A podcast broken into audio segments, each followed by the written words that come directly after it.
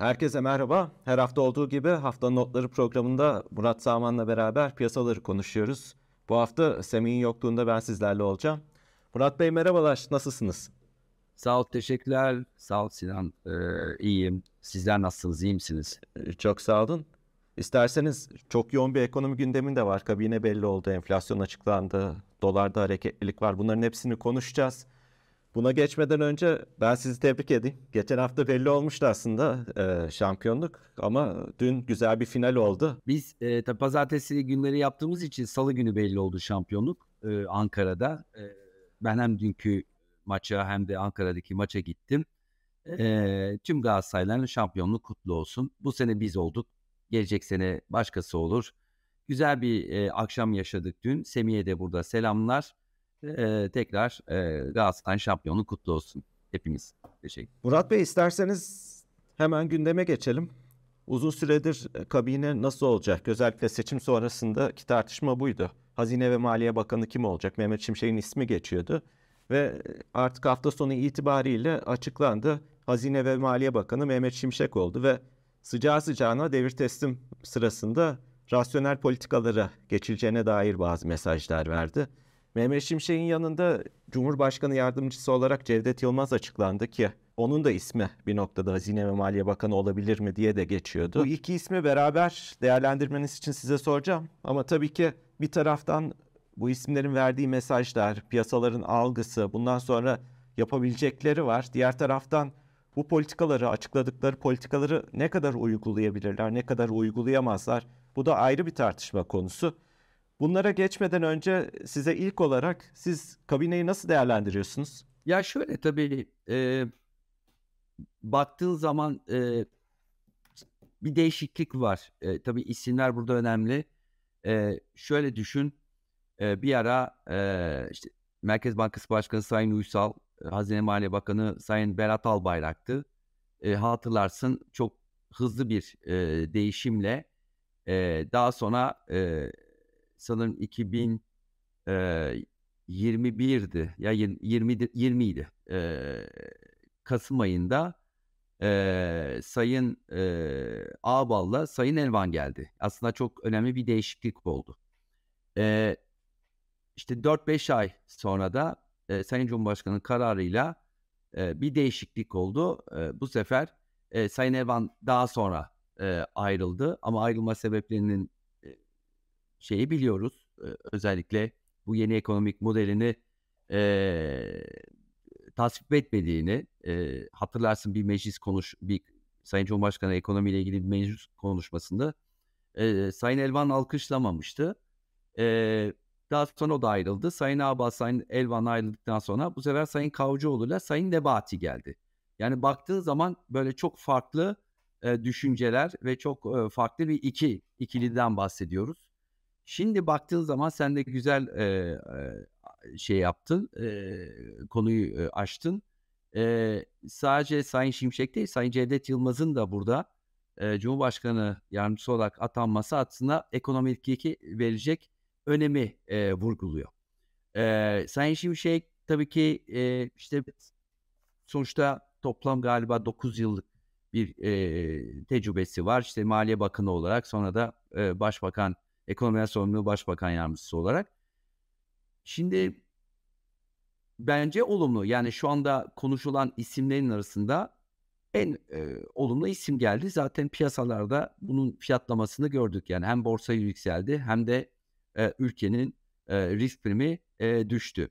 Çünkü e, Sam Şimşek hem e, yurt dışında biliniyor hem ortodoks politikalarına e, dönüş yapılacağı ile ilgili ki sen e, bunu bağışta da söyledin. Hani ben de bir hani birkaç bir söylediği cümleleri burada bir tekrarlayalım. Yani çok önemli cümleler. Şeffaflık, tutarlılık, öngörülebilirlik, uluslararası normlara uygunluk temel ilkelerimiz olacaktır. Ya bunlar çok önemli cümleler. Ee, Türkiye'nin rasyonel bir zemine dönme dışında bir seçe, se, seçeneği kalmamıştır. İşte kurala dayalı, öngörülebilir bir Türkiye ekonomisi özlenen bir refaha ulaşmadan anahtar olacaktır.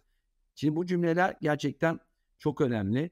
Ee, tamamen bir değişiklik demektir. Çünkü şu ana kadar uygulanan politika zaten o cümleler şunu anlaşılıyor. Yani şu ana kadar uygulanan politika, politikanın rasyonel olmadığı çünkü ras, rasyonele dönmekten başka bir çaremiz kalmadı diyor Sayın Şimşek. Şimdi asıl en önemli soru işareti tabii. Herkesin bizi izleyenlerin e, bu açıklamaları görünce Sayın Şimşek atanınca bence herkesin merak ettiği tek bir konu var. Sayın Şimşek bunları yapabilecek mi? Sayın Cevdet Yılmaz bunları yapabilecek mi? Yani Sayın Cumhurbaşkanı izin verecek mi? Ee, izin verirse daha sonra vazgeçecek mi? Bence herkes bunu yani ben bunu açığa vuruyorum ama herkesin kafasından bu geçiyor. Bunu daha önce bu filmi daha önce yaşadık çünkü. Yani Sayın Ağbal ve Sayın Elvan'la aslında e, hem e, beklentiler kanalıyla hem de mesela yurt dışı e, güven anlamında şöyle söyleyeyim e, Sinan sana e, Sayın Ağbal ve Elvan kaldığı dönemde yaklaşık Türkiye 30 milyardan dolardan fazla e, şey geldi kaynak geldi. E, Sayın Ağbal'ın e, ayrıldığı hafta görevden alındığı hafta bunun üçte biri çıktı zaten bir haftada. Onun için soru işareti bu. Yani Sayın Cumhurbaşkanı buradaki yani Sayın Şimşek yapar mı yapmaz mı doğru mudur değil midir ya da Sayın Cevdet Yılmaz doğru mudur yaparlar ve doğru isimler ama izin verecek mi? Bence soru. Bir diğer soru da herhalde izin verecekse de ne kadar verecek? Çünkü geçtiğimiz dönemde sizin de işaret ettiğiniz gibi izin verilmişti. Bir gecede değişti hikaye. Ya şöyle tabii şimdi ya buradaki konu daha çok Sayın Cumhurbaşkanı'nın işte e, düşünceleri, e, psikolojisi, e, e, yani bu yönetim sistemi zaten yani tek bir kişinin bütün kararı aldığı bir sistem. Şimdi e, bütün kararları Sayın Cumhurbaşkanı alırsa bu, bu nasıl yönetilecek? E, ya da Sayın Cumhurbaşkanı değişip evet alan tanıyacak ve e, yani okuduğumuz farklı şeyler var. Yani, yani bir e, zaman verildiğini işte e, mesela şimdi neler var bu arada tabii şimdi Sayın Şimşek 2018'de ayrıldı. E, ayrıldıktan sonra geldi tablo bambaşka bir tablo. Ya ben madde madde not ettim istiyorsan bunları aktarayım. Tabii Şimdi geldiğinde yani ayrıldığında cari açık %2-3'lerdeydi. Bugün iki katına çıkmış. Ee, bütçe açığı ki o dönemde biliyorsun bizim çok önemli bir çıpaydı bütçe açığımız. Yani %1-2'lerde dolaşıyordu. Şimdi %5'in altının üzerine çıktı ve belki de %9 onlara gidecek. Tabii depremin de burada bir etkisi var. İşte KKM'nin e, bir etkisi var. E, herhalde e, yeni hükümetin ilk yaptıklarından bir tanesi herhalde meclise bir ek bütçeyle gelinecek diye düşünüyorum. E, rezervler Sayın Şimşek ayrıldığında biliyorsun pozitif e, rezervlerimiz vardı. İşte brüt, net. Bugün baktığımızda net eksi 4.4 milyar dolara indi. E, işte swaplara dahil ettiğimizde eksi 55-60 milyar dolardayız. Yani 2018'de gitti ve geldi tablo bambaşka bir tablo. Enflasyon işte e, ayrıldığı zaman işte yüzde 15-20 arasındayken bugün işte iki katına çıkmış durumda. 80'leri 90'ları gördük. KKM diye bir e, ürün var bugün. Yani sen Şimşek ayrıldığında KKM diye bir ürün yoktu. Bugün 125 milyar e, dolara e, ulaştı. Bir de tabii ayrıldığında e, kurumlar şimdiki gibi değildi. Yani kurumlar e, biraz daha bağımsız, daha çok e, kurumlara güven vardı. E, şimdi bu böyle bir tabloda e, Sayın Şimşek çok çok daha zor bir e, tablo var. Burada da tabii en önemli sorun e, enflasyon. E, enflasyona vurgu yapıldı. Ama onun için tabii ki e, bağımsız bir Merkez Bankası Başkanı lazım. Bağımsız bir para politikası kurulu lazım. Bağımsız bir para politikası lazım. E, şu anda e, olumlu bir hava var. Değil mi? Bunu hissediyoruz. E, çünkü iyi bir yönetim geldi. Ama bu yönetim dediğim gibi sen de biraz önce sordun. Ne kadar e, rahat çalışabilecek? Bu da soru işareti. Yerel seçim var. Ee, yerel seçimler çünkü bu enflasyon düşürmenin hep bunu söyleriz. E, Semih olan e, programlarda yani çok ciddi bir maliyeti olacak. Yani enflasyon düşürmenin maliyeti çok büyük ve e, ekonomiyi küçültecek, işsizliği artıracak. E, yerel seçimden önce böyle bir e, maliyete katlanılır mı? O da soru işareti. Sizin bu işaret ettiğiniz noktaları önümüzdeki süreçte tartışacağız. Ne kadar politika uygulanabilecek, ne kadar uygulanmayacak. Bunların ekonomik maliyetli hep göreceğimiz konular olacak.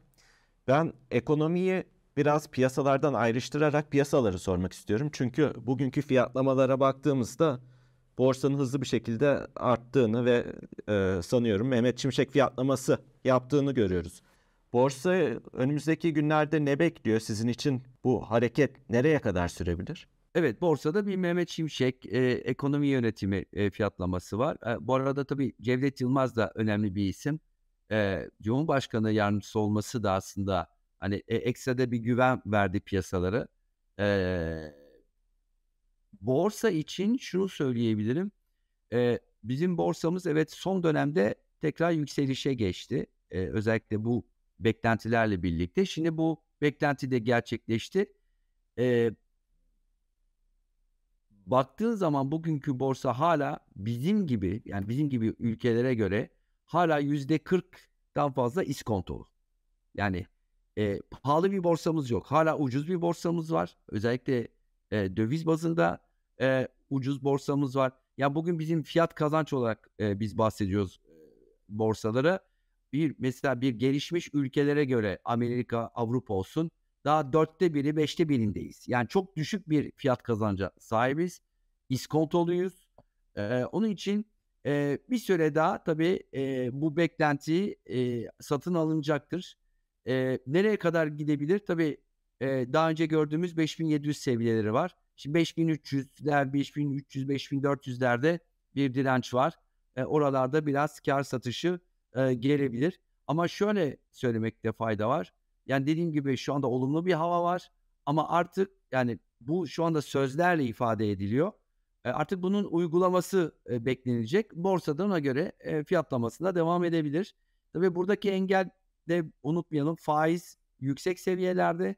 Muhtemelen politika faizinde onu da söyleyeyim bir artış bekliyoruz. Yani e, herhalde yeni Merkez Bankası Başkanı atandıktan sonra e, belki de olağanüstü bir toplantı yapılabilir ya da tarihi beklenebilir ama muhtemelen e, politika çünkü bir e, sen yani e, şu anda e, piyasada olan faizle resmi faiz arasında bir bağlantı kalmadı uzun zamandır. Tekrar o bağlantıyı sağlamak için muhtemelen bir politika faizinde artış olacaktır. Peki dolar TL tarafında ne görüyorsunuz? Yine seçimden sonra süren artış devam ediyor. Bugün 21-15'i de geçtiğini gördük. Dolar nereye kadar gidebilir? Muhtemelen hatırlarsın ben e, dolar TL için taksimetre ifadesi kullanmıştım e, programlarda. Şimdi bu taksimetre ifadesi gündüz tarifesiyle e, şey yapmıştım, bağdaştırmıştım. Şimdi gece tarifesine geçtik. Yani taksimetre e, kelime şeyini kullanıyorsa çok daha hızlandı fark, fark farkındasın herhalde. Özellikle e, seçimden yani biraz önce ve e, sonrasında e, yavaş yavaş gidecek gibi gözüküyor. Yani e, kurun tabii yeni bir e, politika ile birlikte hani nereye gider gerçekten bilmiyorum. Yani bunun işte 23 mi olmalı, 25 mi olmalı bilmiyorum. E, ama e, muhtemelen tabii ki e, uzun zamandır e, baskılanan bir kur var. E, aylık bizim verdiğimiz 11-12 milyar dolar dış ticaret açığımız var. Şimdi bak düşün yılbaşından beri yaklaşık Merkez Bankamız 25-26 milyar dolar e, rezerv kaybetti. Ama aylık dış ticaret açığına baktığında bu rakam 55-60 milyar dolar yapıyor. Yani askın, aslında reel sektörün e, alması gereken bir döviz var burada net olarak. Onu görüyoruz. E, vatandaşlar e, şöyle bir e, istatistik var yani döviz KKM şey KKM'den dönenler yüzde 30-50 arasında döviz e, almak istiyorlar. E, işte şirketlerin döviz borcu var. E, bütün bunları üst üste koyduğunda dövizde bir gerçekten bir talep var. Şimdi Sayın Şimşek'in getirebileceği aslında belki de bir dış kaynak. Yani eğer e, tabii ki daha önce yaşananları biliyoruz. E, her an e, bir kararla bu iş değişebilir. Yani e, bilmiyorum 3 ay sonra hani bir, bir gece yarısı e, biliyorsun herkes görevden alınabiliyor. Bunu çok yaşadık eskiden. Hani yabancılar belki de 30-35 milyar dolar 3-4 ayda getirmezler ama belki de yarısını ya da üçte birini belki de e, Türkiye'de e, yatırım yapmak e, isteyebilirler. Dediğim gibi Türkiye'de hala çok yüksek bir potansiyel var ama artık uygulamalar e, beklenecek. Kurdaki artış da e, e, yavaş yavaş gerçekleşecek diye e, düşünüyorum. Özellikle bu yeni politikada. Orta bu, Sizin de belirttiğiniz gibi bu kaynak sokarken Türkiye özellikle Mehmet Şimşek geldikten sonra bu program başından beri konuştuğumuz geçmiş deneyimlerimize dayalı bu şüpheler ne kadar sürdürülebilir? İşte bir gecede işler değişir mi değişmez mi? Bu yabancılar açısından da kaynak sokmayı biraz daha sınırlı hale getirecek bir olgu değil mi? Aynen. Aynen. Yani şöyle tabii şimdi bu yeni sistemle şimdi mesela eski e, yani bir önceki işte e, parlamenter sisteme baktığın zaman mesela e, biliyorsun üçlü kararnameler vardı. E, işte e, atamalarda, görevden alınmalarda. Şimdi hani bu sistemde sadece bir kişi e, tüm kararları e, alabiliyor. E, onun için e, böyle bir e, endişe de var açıkçası. Yani endişe de olacaktır. E, bir sabah kalktığımızda bir cumartesi sabah e, acaba e, böyle bir şey olabilir mi diye daha önce yaşadığımız gibi. E, bu, bu endişe hep olacaktır e, Sinan ama şu andaki dönem olumluluk yani iyiye gidiş en azından şöyle iyiye gidiş hani doğru kadrolarla e, bu politikanın zaten yani işte yeni ekonomik modeli deniliyor. Biz ben deney diye kullanıyorum. Çünkü iktisatta bunun bir e, gerçeği yok. Yani e, e, gerçekleşmesi yok. Yani dünyada hiçbir ülke yani ben bunu oturup da araştırdım. Yani dünyada hiçbir ülke e, faizlerini düşürerek enflasyonu düşürememiş. Yani dünyada böyle bir örnek yok. Onun için bunu bu politikanın e, sürdürülemez olduğunu ben de tüm meslek, meslektaşlarım neredeyse e, bunu e, defalarca söyledi ve e, aylardır, yıllardır söylüyorlar. Şimdi e, bu sürdürülemez olduğu için artık bir dönüş yapılacak ki yani Sayın Cumhurbaşkanı bu e, dönüşleri çok iyi yapıyor. Yani daha önceden de e, yaptı ama önemli olan bunu sürdürmek. Yani madem e, bu politikayla olmadı çünkü bu politikada hedeflenen nelerdi hatırlıyorsun. Yani çok daha fazla cari fazla verecektik. İşte cari açığa döndük. Enflasyon düşecekti. Enflasyon patladı. İşte rezervler tüketildi. Ee, evet büyümede e, bir destek sağlandı. Ekonomi büyüdü. E, onu söyleyebilir ama ne pahasına? E, bu işte ne pahasına özellikle e, en büyük sorun burada e, enflasyon olmaya devam ediyor.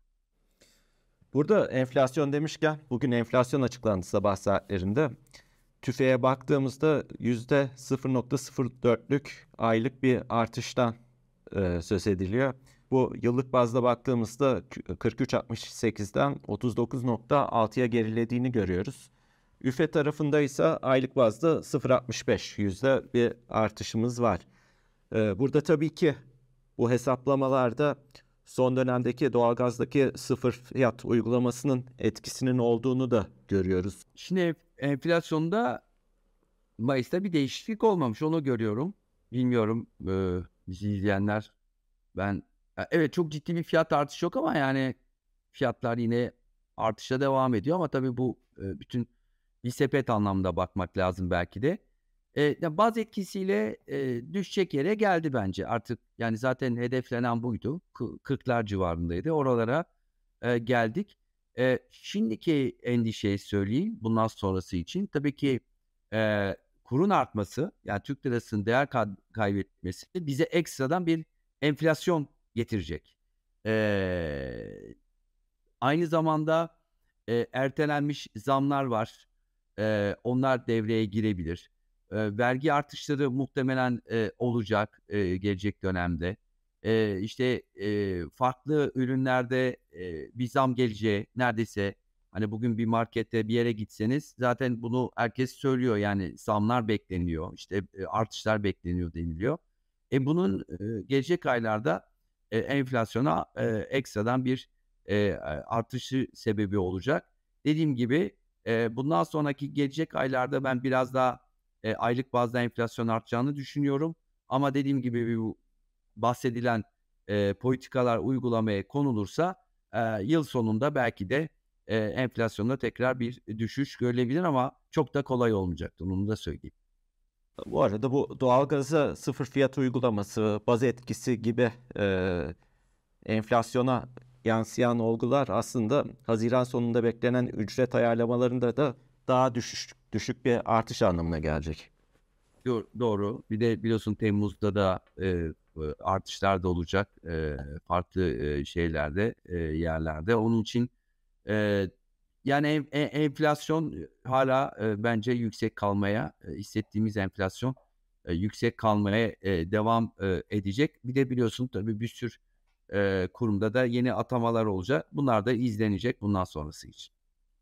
Murat Bey son olarak yurt dışına bakacak olursak Amerika tarafında Haziran-Temmuz'da Fed'in toplantıları var. Fed ne yapacak diye bekliyoruz. Diğer taraftan güçlü bir tarım dışı verisi geldi geçtiğimiz hafta içinde.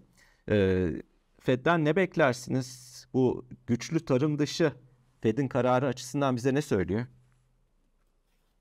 Yani e, valla dışarıda da kafalar çok karışık onu söyleyeyim. E, tabii veriler güçlü gelmeye devam ediyor. Burada e, tabii ki bir yavaşlama var ama e, tam bir resesyona e, şey e, gelmiş durumda değil. Olabilir. Yani bir resesyon e, olabilirse sert iniş mi yumuşak iniş mi? Herhalde yumuşak inişten e, daha çok bahsediyoruz. Ben şöyle baktım e, 24 yani şöyle 14 Haziran'da beklenti %25 gibi faiz arttırma olmayacak gibi. Ama çok enteresan Temmuz'da Temmuz sonunda %55'in üzerinde bir faiz artışı beklentisi var. Yani bunları topladığında muhtemelen gelecek e, iki ay içerisinde bir faiz artışı da yapılacak gibi gözüküyor. E, ama bu değişebilir. Tabii e, enflasyon verileri önemli olacak burada. Yani enflasyon gerçekten düşmeye devam ediyorsa e, belki de FED bundan vazgeçebilir ama e, bu beklentiler değişebilir. Ama şunu söyleyeyim e, yani son 2-3 hafta öncesine kadar FED tamamen kapatmıştı faiz artırım sürecini. Hatta ne zaman artık faiz indirimi yapar diye konuşuluyordu. Onun için e, orada da kafalar e, karışık e, olmaya devam edecek. Bir ihtimal dediğim gibi bir faiz arttırımı olabilir. Murat Bey çok teşekkür ederim. Önümüzdeki hafta bu konuları değerlendirmeye devam edeceğiz. Bu konuların birçoğu zaten e, takip edilmesi gereken ve önümüzdeki süreçte nasıl yansıyacağına bakacağımız konular. Çok sağ olun. İyi haftalar diliyorum. Çok teşekkür ederim. İyi haftalar. Görüşmek üzere.